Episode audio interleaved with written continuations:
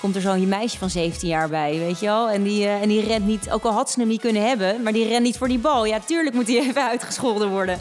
En het moment zodat je dan naar je team toe rent, kijk, dat, zijn, dat is het moment waar je het echt voor doet.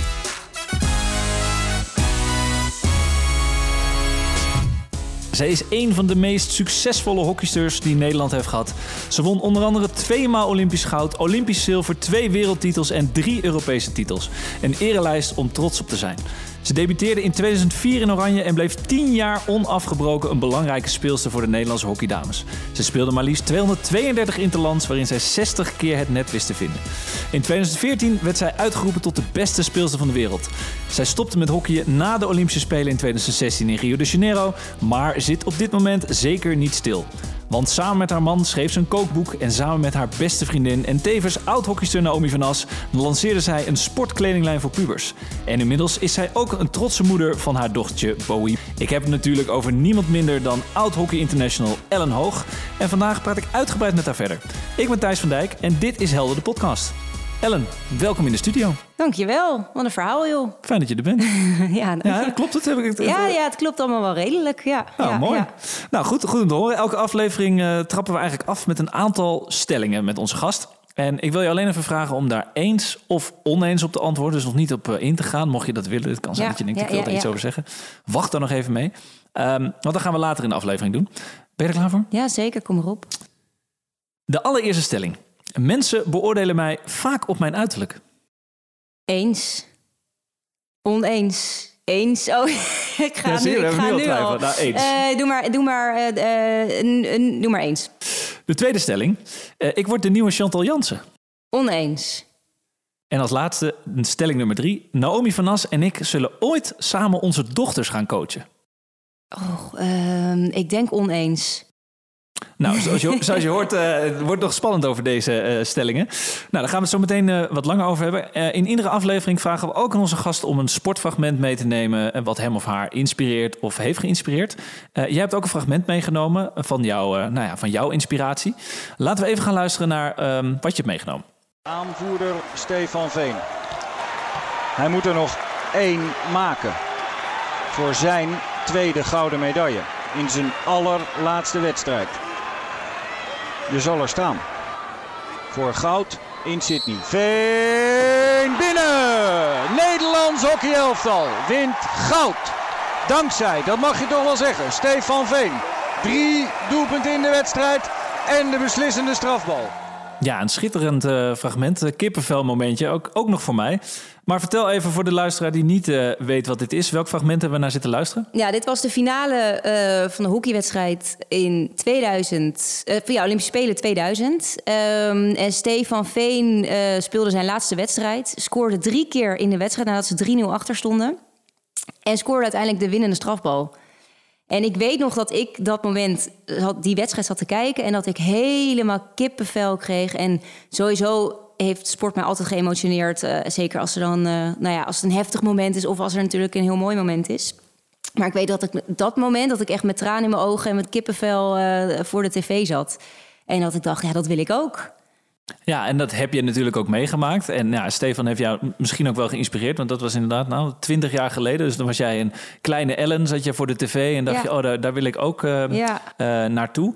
Maar waarom inspireerde nou specifiek? Want je zei tegen mij, ja, dit, dit fragment, dat, dat raakte mij het, het allermeeste. Je hebt natuurlijk heel veel meegemaakt. Wat Ja. maakt dit moment nou zo bijzonder voor jou? Ik denk door die emotie is hij. ja, je, je kan het natuurlijk nu niet zien in de podcast, maar ik zou zeggen, mensen gaat echt even kijken. Want je ziet ook die emotie van hem nadat hij dus die winnende strafbal scoort. En het is een ongelooflijk spannend moment daar in je eentje, zo op de keeper. En ehm, ja, en dat je dan denkt, je sluit je hele carrière af met drie goals. Een, de winnende strafbal en een Olympische gouden medaille. Weet je, ja, dat, dat, dat, Beter dat wordt kan niet niet. beter. Ja. Nee. En zo zat, zat ik ook echt naar, tv, naar de tv te kijken. En jeetje, wat, wat, een, wat een historisch moment voor zo'n zo- zo'n speler... die dan zijn carrière met zo'n moment afsluit.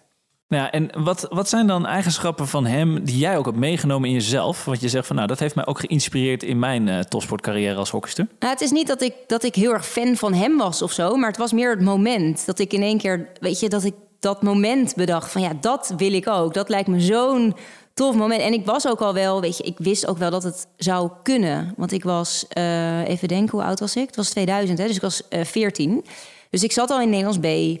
En ik, ik was al bezig met dat Nederlands elftal later ooit. Misschien hopelijk, weet je wel. Dus ik had al wel, ik was er al een beetje mee bezig. En um, dan zie je zo'n moment en dan, dat geeft je dan een soort van nog extra motivatie en nog extra kracht om dan daarvoor te gaan. En is er ook een moment geweest in jouw carrière dat je dat, je dat moment terughaalde? Dat je dacht, ik sta nu voor zo'nzelfde, noem het de Olympische finale in 2008 eh, bijvoorbeeld? Um, nee, dat, dat, ik heb niet tijdens mijn carrière aan dat moment teruggedacht. Maar ik wel, als ik het nu vergelijk, heb ik wel uh, zo, dit soort momenten meegemaakt. Zeker als ik denk aan de halve finale in, tijdens de Olympische Spelen in 2012 uh, in Londen tegen Nieuw-Zeeland. Speelden we eigenlijk was ook. We kwamen steeds achter met het team uh, tegen een, een land, een team waar we normaal gesproken eigenlijk wel van, van winnen. Van wonnen. En um, nou, dat werd uiteindelijk gelijkspel. En toen hadden we shootouts. En toen scoorde ik uiteindelijk de winnende. En het moment zodat je dan naar je team toe rent. Kijk, dat, zijn, dat is het moment waar je het echt voor doet. Weet je, dat je je. Ja, gewoon niet alleen dat ik dan die goal scoorde, maar dat je met je team doorgaat naar de finale na zo'n bloedstollende wedstrijd. En zij hadden een bloedstollend toernooi toen in 2000. Dus dat, ik weet niet, dat is, dat is natuurlijk topsport in de mooiste en de puurste vorm. En dat, die emotie die je op zo'n moment hebt, dat, daar kan ik nu al over proberen over te vertellen, maar dat kan gewoon niet. Dat is een gevoel wat je alleen echt kan erkennen als je het meemaakt. Als je het mee hebt gemaakt. Ja, dat zou toch het allermooiste zijn hè? als we sportemotie konden overbrengen naar mensen. Dat je kon ervaren. Want dat is altijd waar ik als, nou ook als kijker, maar ook als fan, dan ben ik altijd benieuwd van, ja, dat is zo'n stomme vraag, weet je. Dat komt er zo'n iemand van de NOS die zegt, wat gaat er door je heen? Ja. Weet je wel? Maar het, het gaat natuurlijk veel meer, wat jij ook zegt, hè? Die, die momenten van, nou, we stonden continu achter. Het was die odds were against us en toch wonnen we. Maar je hebt natuurlijk ook de andere kant van de medaille meegemaakt in, in 2016. Weet je, hoe kijk je daar dan naar? Want dat, is natuurlijk, dat was jouw laatste wedstrijd, niet. toch? Nee, kun je niet meer terugkijken? nee, ik heb die wedstrijd echt nooit meer teruggekeken. Nee. Ik moet zeggen, ik weet ook gewoon oprecht niet meer alles van... Nou, bijna niks meer van die finale. Het is heel raar. Ik heb dat echt soort van geblokt en ik, moet, ik hoef daar niet meer over na te denken. Um, wat het wel is, je... je, je van tevoren, en ik denk ook dat heel veel niet-topsporters het zo zullen uh, verwachten, dat je, dat je van tevoren bedenkt dat je je carrière heel mooi wil afsluiten. Net zoals Stefan Veen, met drie goals en een winnende en, en Olympisch kampioen. En tuurlijk, dat was natuurlijk helemaal, dat, hè, dat had het plaatje helemaal uh, perfect gemaakt voor mijn carrière, als ik zo terugkijk. Maar je kijkt niet meer naar je laatste wedstrijd. Tenminste, ik niet als oud-topsporter. Nee, maar dat kan ik me heel goed voorstellen. Ja, ja en dat, ik heb natuurlijk ook veel prijzen gewonnen. Dus ik, ik kijk vooral naar die uh, momenten. En natuurlijk denk je ook wel eens over slechte wedstrijden na... of over een, een, periode waarin je niet lekker zat... En, of niet goed speelde, niet in vorm was. Maar ik, bedoel, ik denk vooral terug aan de momenten waarin we goud hebben gehaald... of waarin we heel veel um, toffe momenten hebben meegemaakt met het team. En dat is echt niet altijd trouwens het toernooi. Dat is ook heel vaak de weg ernaartoe. Maar dus je, je bent als oud-topsporter niet meer gefocust op je laatste moment. En dat kan ik niet voor iedereen invullen, maar voor ik, ik, ik zelf wel. En als je dan terugkijkt, hè, je hebt het over de gouden momenten, nou, de, de dieptepunten, laten we het dan even niet over hebben. Maar wat was dan eigenlijk jouw kracht in het veld? Ik denk dat mijn kracht vooral was uh, dat ik altijd heel fit was en heel veel energie had. En iets kon forceren op momenten dat het nodig was. Dat was ook tegelijkertijd mijn zwakte. Want als ik er dan niet helemaal lekker in zat, bleef ik wel forceren. En dan, hè, ja, ik, ik verloor vaker de bal dan een, uh, een Maartje Pauwme, die natuurlijk veel uh, steadier was. Um, maar dat, was tegelijk, ja, dat, dat kon ook mijn kracht zijn. Dat ik echt de wedstrijd kon openbreken met een, uh, met een actie waar uiteindelijk een assist of een corner of een goal uitkwam. Um, en ik denk vooral inderdaad mijn energie, dat ik daar, daar wel ook mijn bijdrage heb kunnen leveren. Dat ik ook mijn teamgenoten mee kon nemen als het even niet lekker ging. En ja, dat ik maar kon blijven gaan eigenlijk. En als we nou heel veel teruggaan naar, naar Stefan nog heel even, hè? dus of naar, naar helden, naar hockeyhelden. We mhm. kunnen Stefan Veen noemen, maar ik denk dat jij daar ook uh, toe behoort. Of Naomi, hè? mensen die zeggen, oh we zien dat als, als helden. Voor jou, als je nou een held moet omschrijven, wat zijn voor jou dan eigenschappen? Of dat een sportheld is of als persoon? Wat vind je daarin nou, belangrijk? Ik, ik moet zeggen, want uh, ik heb hier natuurlijk over nagedacht. Welk fragment neem ik dan mee? Het was echt dat het om een fragment ging. Want in principe heb ik het meest, uh, ben ik het meest geïnspireerd geraakt door mijn eigen teamgenoten. Dus door Fatima Morera de Melo, Minke Boy, Janneke Schopman. Ik weet nog dat ik in Nederland zelf kwam en dat ik echt, toen was ik uh, 17. En ik keek echt mijn ogen uit. Die waren zo bloedje fanatiek. Die liepen gewoon geïrriteerd de training af als ze een, als ze een partijtje hadden verloren. Of als ze, eh, weet ik veel, naast de goal hadden geschoten, baalden ze al. En ik als 17-jarig meisje dacht echt zo, dat is, uh, dat is heftig. En aan het einde van mijn carrière was ik bloedchagrijnig als ik een partijtje verloor. Weet je? Dus ik ben wel door hen heel erg geïnspireerd. En um, zij hebben me ook heel veel geleerd om echt veel verder te gaan dan dan dat, je, dan dat ik dacht als, als jong 17-jarig meisje... die er vooral voor de lol uh, op het veld stond. Maar kun je daar eens een voorbeeld van geven? Dat je zegt van nou, dit is een situatie waarvan ik dacht... dat is echt een les die mij bijgebleven is van die nou, toen uh, oudere generatie. Nou, ik, ik weet nog wel dat, ja, dat is dan met Mijntje Donners, weet ik nog wel... dat ik die eer, mijn, een van mijn eerste wedstrijden interland speelde... en dat ik een bal niet binnenhield. Terwijl, ja, ik, ik weet niet meer waarom. Ik denk dat ik, ik geen idee meer. Maar ik had voor die bal kunnen gaan. Ik denk zelf dat ik dacht dat ik hem niet meer zou halen. Weet ik van, nou, toen kreeg ik hem. Vuurogen van Wijntje Donners. En dat, ik, dat maakte mij super onzeker en bang. Ik dacht, jeetje, wat is dit joh? Maar ik kan me het nu zo goed voorstellen. Komt er zo'n meisje van 17 jaar bij, weet je wel? En die, uh, en die rent niet, ook al had ze hem niet kunnen hebben... maar die rent niet voor die bal. Ja, tuurlijk moet hij even uitgescholden worden. Maar dat, dat, dat was voor mij wel nou ja, want ik zei echt een eye-opener. Dat ik echt dacht, jeetje, dat, uh, wat een fanatisme in dat, uh, in dat team. Wat een echte topsporters zijn dat. En wanneer kwam bij jou dan dat omslagpunt? Want je zei, nou, ik was 17, toen kwam ik er ook een beetje als een naïef eh, meisje, geen idee. En wat was nou het moment dat je dacht, nu valt voor mij dat kwartje... wat, wat er voor nodig is om dat topniveau te halen? Nou, dat, dat, daar groei je een beetje in. Uh, ik denk dat vanaf... Uh, ja, nee, daar groei je echt een beetje in. Ik kan niet één moment noemen... Ik weet wel dat na 2010, toen stopte dan, uh, waren echt eigenlijk al die speelsters gestopt. En dan wordt er ook meer van, van, werd er meer van mij verwacht ook. En van Maartje Pauwme, van Naomi van As en die hele um, uh, lichting, zeg maar. En dan moet je wel stappen gaan maken. Ja, en dan word je gewoon fanatieker en dan ben je toch veel meer ermee bezig. En dan kan je echt niet meer het permitteren om een keer, nou ja, chagrijnig op het veld te staan of moe te zijn. Of uh, omdat je net, net wel dat, uh, uh, dat etentje nog even mee had gepakt. Ik zeg maar wat. Weet je wel, dat, dat, dat, ja, dat, dat kon gewoon echt niet meer. Nee, dus je nam de voorbeeldfunctie eigenlijk over. Ja. Het was een soort van stokje overgenomen. En nu moet ik het goede voorbeeld geven aan de jongere speelsters. Ja, en ik denk dat dat in het Nederlands elftal, in het hockey dames elftal, eigenlijk altijd zo. Dat is een soort van legacy wat overgegeven wordt. Wat constant maar weer door wordt gegeven. Want nu zie je het ook. Het, daarom mist er nooit een speelster. Het is, weet je, wij, toen na 2016 stopte dan uh, van As en ik tegelijk. Ja, wij zijn hartstikke goed opgevangen. En straks stoppen er waarschijnlijk weer uh, drie, vier uh, ervaren speelsters. Die worden ook wel weer opgevangen. Zo gaat het constant door. Omdat er een soort van cultuur heerst in het team. Waarbij de jongeren zoveel leren van de, van de ouderen, van de oma's. En, en aan wie uh, heeft uh, oma Ellen Hoog het stokje nu dan uh, doorgegeven voor deze generatie? Nou ja, ik denk dat een, een Xander Waard en Marloes Ketels, Maria Verschoor... dat zijn een beetje nu de, de meiden die, die er echt aankomen. Die zitten ook echt nog even een tijdje in Nederlands elftal.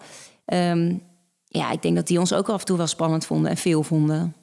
Ja, en dat hij ook denkt, zo, die, die, uh, die waren fanatiek. Nou, dat kan ik me heel goed voorstellen. Het is een uh, mooi bruggetje naar, uh, naar de stellingen om daar even bij, bij, bij stil te gaan staan. Hè. Ik bedoel, we hebben het natuurlijk nu ook heel erg over Ellen de hockeyster gehad. Maar ja, er zijn natuurlijk ook heel veel mensen die jou als Ellen de mooie vrouwen hebben gezien. Dus mensen zeggen, ja, hè, jij zei eigenlijk stellig, nou niet zo stellig, van mensen beoordelen mij altijd vaak op mijn uiterlijk.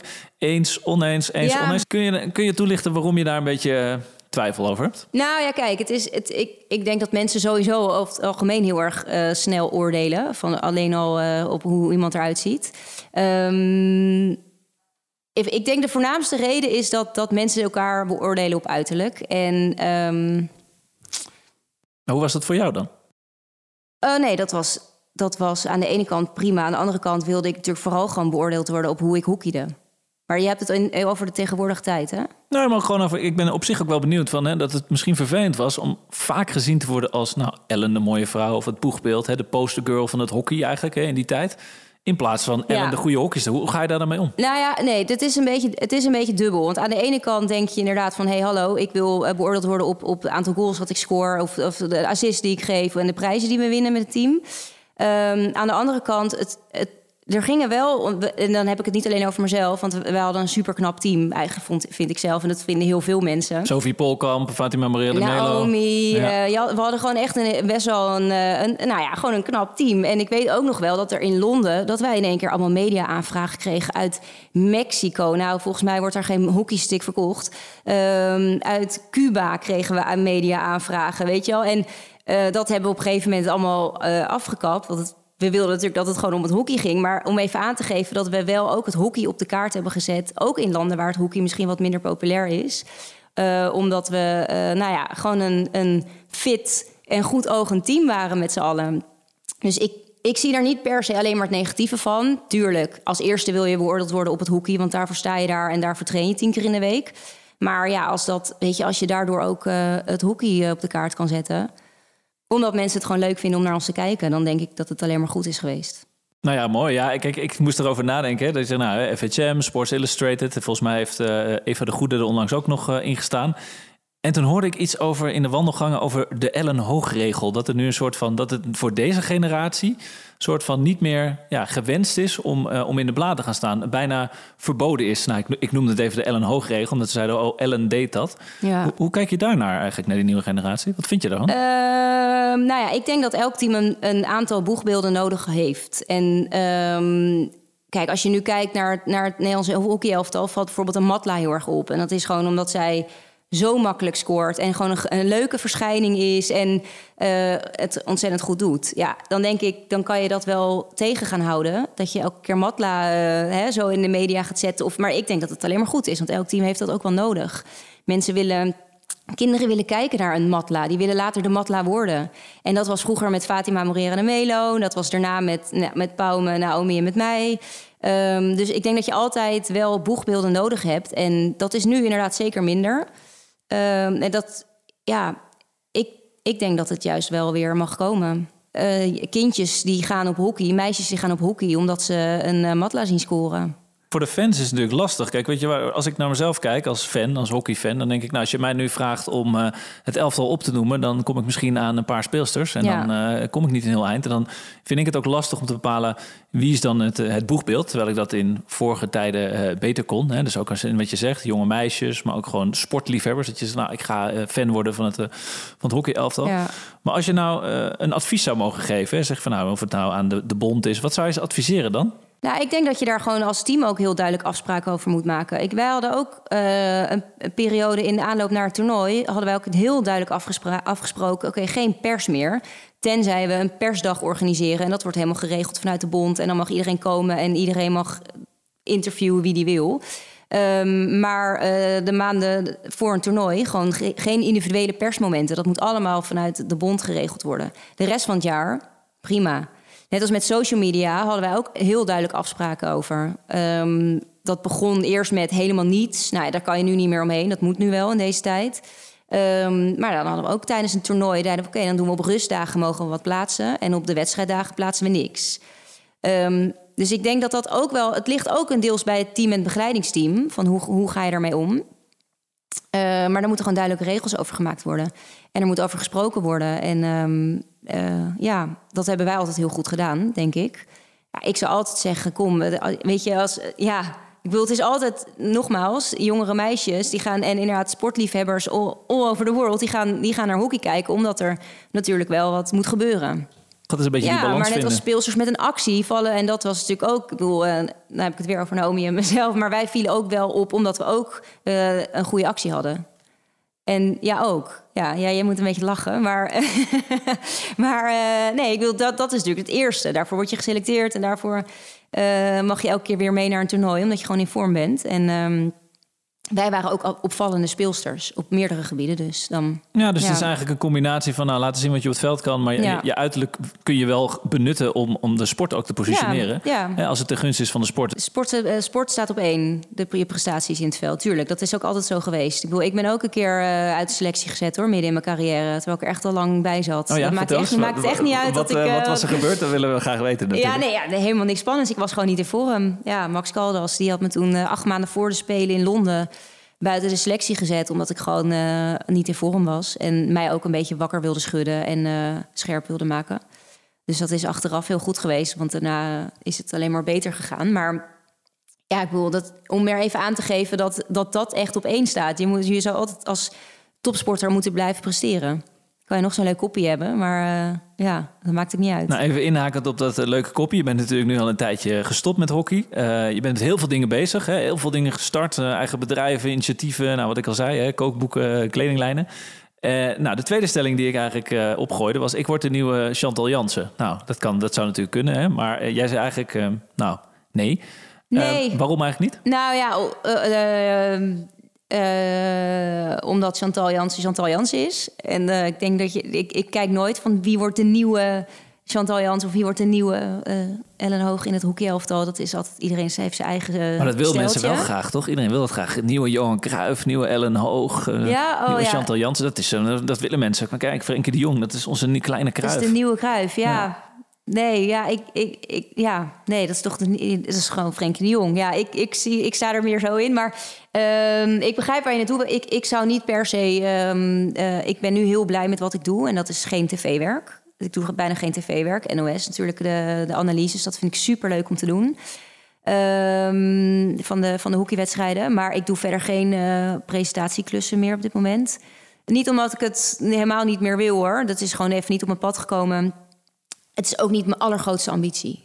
Ik ben wel benieuwd wat dan wel je allergrootste ambitie is. Jij zegt, nou, je, je, wilt mensen eigenlijk best wel inspireren. Ik zie heel veel dingen van jou voorbij komen. Bewuster om te gaan met het lichaam ook vooral. Ik ben heel benieuwd naar van... Eh, je noemt het, uh, in interviews noem je het mindfulness movement. Prachtig woord. Of iemand anders noemt dat zo voor je.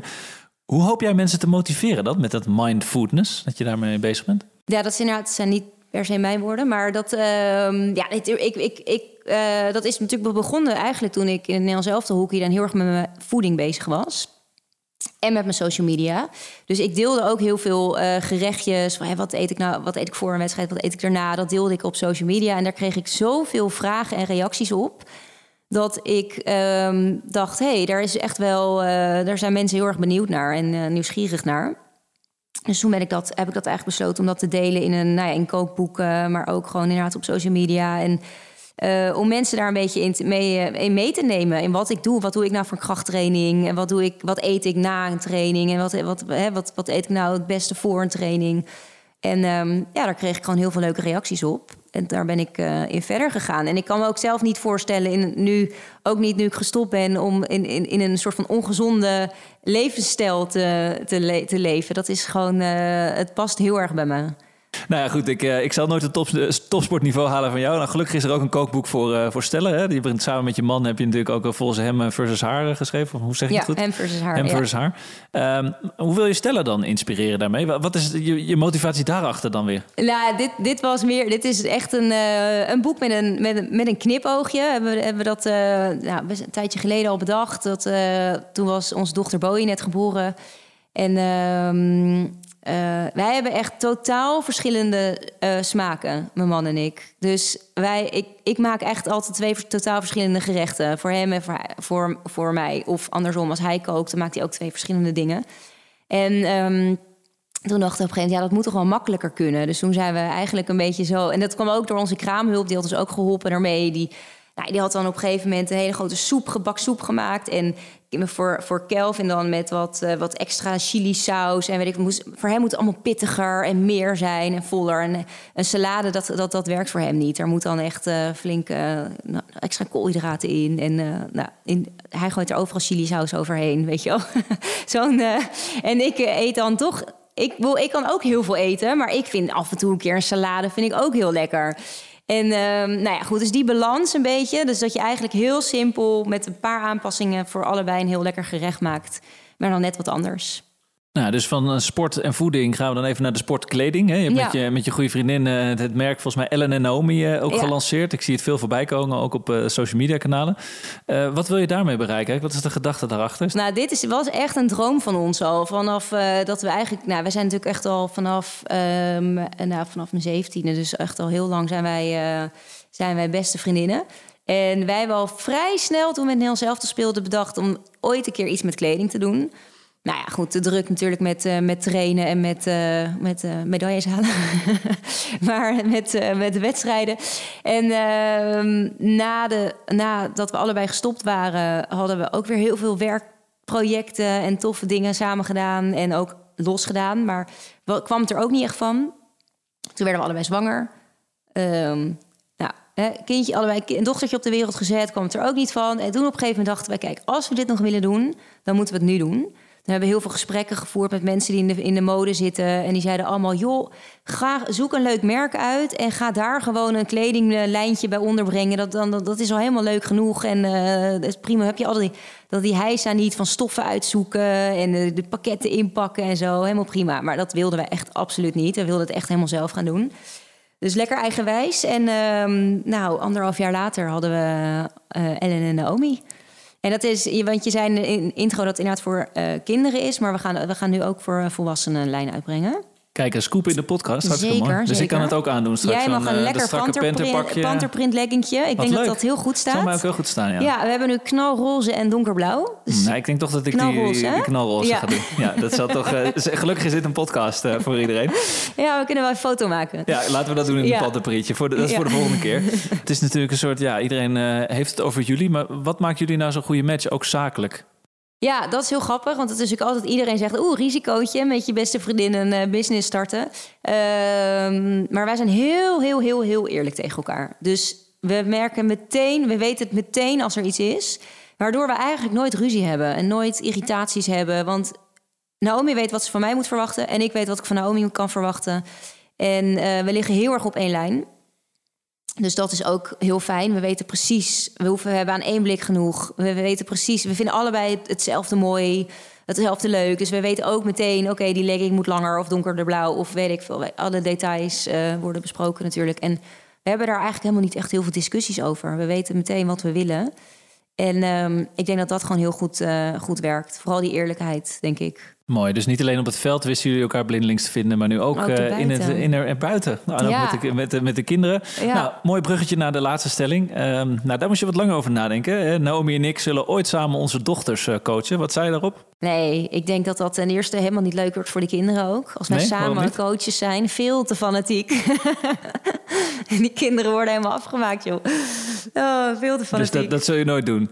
Maar... Uh, nou, ik denk het niet. Ik denk niet dat wij allebei. Ik denk dat we, wij zijn ook allebei helemaal niet. Ja, tuurlijk. Misschien dat ik wel. Ze gaan trouwens ook helemaal niet op dezelfde club uh, spelen. Want we wonen allebei in een ander dorp. Maar uh, ik denk dat ik het wel. Misschien dat ik misschien wel het teampje van Bo een keer ga trainen. Want dat is natuurlijk wel hartstikke leuk. Maar uh, als ze dan richting de D1, C1 gaat, dan uh, laat ik het lekker aan de, aan de coaches over hoor. Hey, maar heel even terug naar, naar jou en uh, Naomi. Hè? Dus ja, het dynamische duo wel. Jullie worden natuurlijk door veel nou, jonge meiden, je zei het al een beetje, gezien ook als, als voorbeelden.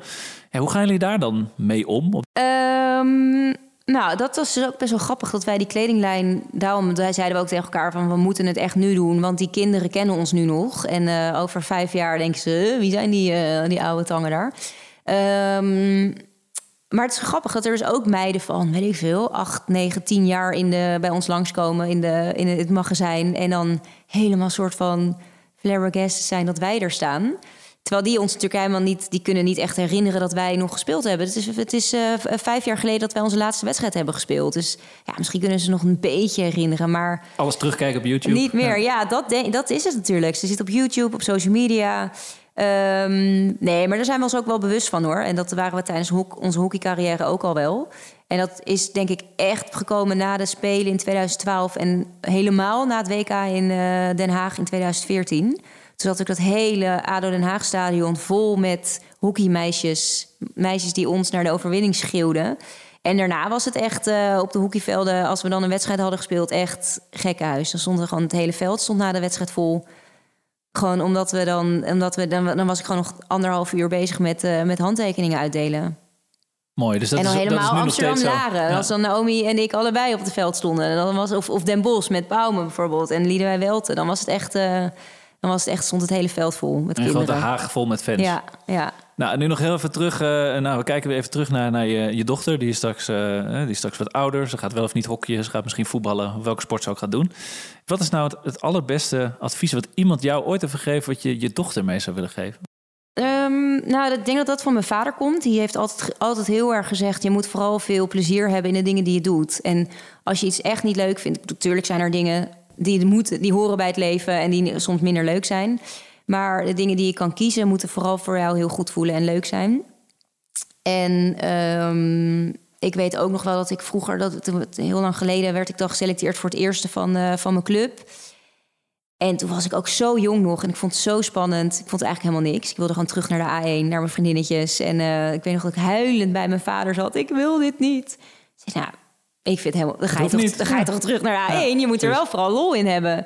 Uh, je moet het wel zelf met de coach bespreken. Maar uh, dat ga ik niet voor je doen. Maar je gaat lekker terug naar A1. Nou, uiteindelijk zat ik met die coach en die zei: Nee, joh, je moet gewoon even drie weken, even een maandje. Ik geef een maandje. Over een maandje, als je dan nog steeds niet leuk vindt, dan ga je maar terug. Nou, en inderdaad, een maand later vond ik het hartstikke leuk. Dus ik ben blij dat. Uh, mijn coach dat ook goed door had en dat mijn vader er ook zo in stond. Dus ik denk dat ik dat ook aan uh, Bowie heel graag wil meegeven. Van, eh, als je echt iets wil, dan, dan kan dat. Dan gaat het lukken, dat weet ik zeker. Maar je moet, er, je, je moet vooral de dingen doen die je echt leuk vindt en, en daar dan volledig voor gaan. Vanuit je hart, volg je hart eigenlijk gewoon, Ja. toch? Dat is eigenlijk wat het belangrijkste is. Ja. Nou ja, je doet natuurlijk nu heel veel dingen. En ik heb nog één vraag die gewoon in mijn opkomt. Dat ik denk, ja, wat is nou nog jouw ambitie of droom die je nu nog hebt? Zeg van, nou, als je nu een keuze moet maken, dat wil ik nog realiseren.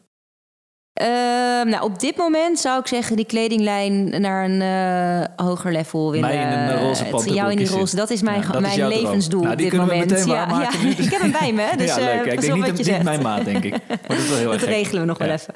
Nee, maar dat, dat is iets wat ik, waar we nu zoveel eh passie aan zitten te werken met z'n tweeën. En ehm, waar we. We doen, wij, doen gewoon, wij doen echt alles zelf, weet je wel. Dus de stoffen uitzoeken, de, de, de ontwerpen bedenken, de kleuren bedenken, de prints, de modellen, ehm, de fotoshoots regelen, de pakketten inpakken. Dus, en dat maakt het ook superleuk. En ik hoop dat we daarin, dat ons, ons bedrijfje kan gaan groeien daarin. En dat we uiteindelijk gewoon een, eh, een eh, gevestigd eh, sportmerk gaan creëren hier in Nederland.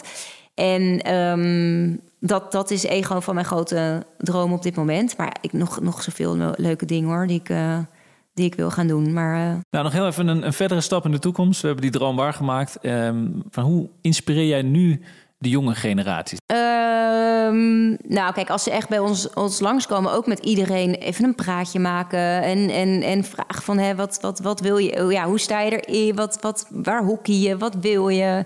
En ehm, ik, wij krijgen ook heel vaak de vraag, hoe kom je in het Nederlands elftal? Ja, daar, daar- dat is heel moeilijk om te beantwoorden natuurlijk. Er komt zoveel bij kijken. Ja, hoe kom je in het Nederlands zelf Ja, ja, nou, eh, er komt heel veel bij kijken. Ehm, nee, kijk, dat is niet alleen, ehm, niet alleen discipline, niet alleen talent. Het is echt een combi van alles bij elkaar. En ja, je, ja, vooral, ik denk dat, dat, dat die twee aspecten heel belangrijk zijn: discipline en, en talent. Eh, maar ook met wat minder talent kan je er echt komen. En ook eh, ja, nou, met wat minder discipline denk ik niet. Ik denk dat dat wel heel belangrijk is. Ehm, echt die wil om dat, eh, om dat, te, om dat te halen, het Nederlands elftal. Ehm, maar goed, dat is. Kijk, wij, ik, trainde, ik deed niks anders vroeger dan alleen maar op dat veld staan. Ik woonde tegenover de hockeyclub. En ik, zodra mijn huiswerk af was, dan sprintte ik naar het hockeyveld om daar een beetje op een goal te slaan en te pushen. Weet je, dus ja, er blijven ook af en toe eens van die eh, iPad en die, eh, en, de, en die tv af en de PlayStation af. Maar ren even naar een hockeyveld of een voetbalveld en pak een bal en ga daar lekker een beetje pielen en eh, eh, ja, een beetje je ding doen. Dat is, dat is dat heeft mij, mij heel erg gevormd. Dat ik altijd buiten speelde en altijd op die goals wilde slaan. En altijd ik deed mijn huiswerk, ik deed mijn school, zodat ik, omdat ik kon hockeyen. Dat is ook uiteindelijk later. Ik deed die. ja, ik heb ook nooit. Weet je, ik heb ook nooit een studie afgemaakt. Omdat ik gewoon alleen maar wilde hockeyen. Het was voor mij echt eh hockey, hockey, hockey. Buiten spelen, buiten zijn. En dat, dat hoop ik. Ja, dat, dat is natuurlijk nu wat je wel ook wel. Het beeld is ook wel eens anders nu. Als laatste, dat we zeggen, oké, we zitten hier over twintig jaar weer. Hoe hoop jij dat je dan herinnerd wordt over twintig jaar? Wat hoop je dat mensen over jou zeggen? Ehm, nou ja, uh, voel, moeilijke vraag. Ehm,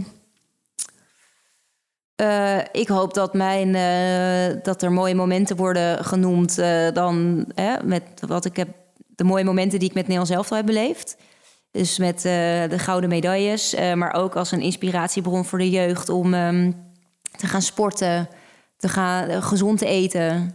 Ehm, Dat we met z'n allen even wat, nou ja, gewoon net even wat minder vlees gaan eten. En net eventjes, nou ja, net wat bewuster met, je eigen lichaam en met de wereld bezig zijn. Um, en iemand als een heel uh, vrolijk, gezellig persoon, denk ik. Dat, dat, dat die, die vooral ook wel gewoon heel erg de, ja, de lol van alles inziet of zo. Of de, de, de, ja, die gewoon positief in het leven staat. Dat. Ja, dat is nou. moeilijk hoor, om in één keer even zo ja, te ja, zeggen. dat begrijp ik. ik bedoel, je hebt er nog twintig jaar om over na te denken. Over twintig jaar doen we dit gewoon weer. Dan uh, doen we de, ja, de, de Revival eh, podcast. Ellen, ik heb hier een tegeltje voor je liggen. Ja, dan mag je jouw lijfspreuk, levensmotto opschrijven. Um, dat wordt dan eigenlijk jouw boodschap aan de wereld... die we ook zullen gaan vereeuwigen aan de muur bij Helden. En wat is nou de les of boodschap die jij mee zou willen geven... aan de volgende generatie? Ja, dat wordt dan... Um, alles kan, zolang je het maar wil. Ik ga het opschrijven. Schrijf het maar op. Ik heb een uh, super mooi handschrift. Nou, dat is hartstikke ja. mooi om te horen. En dan schrijf ook onder, uh, onder het tegeltje jouw naam op. Ellen Hoog, heel erg bedankt voor je komst aan de studio. Dit was Helden de podcast. En deze aflevering is terug te vinden op www.helden.media podcast. Volg ons ook op alle social media kanalen en blijf op de hoogte van het laatste nieuws. Laat gerust een review of een reactie achter en laat ons vooral weten wat je van deze aflevering vond. Mijn naam is Thijs van Dijk en tot de volgende keer.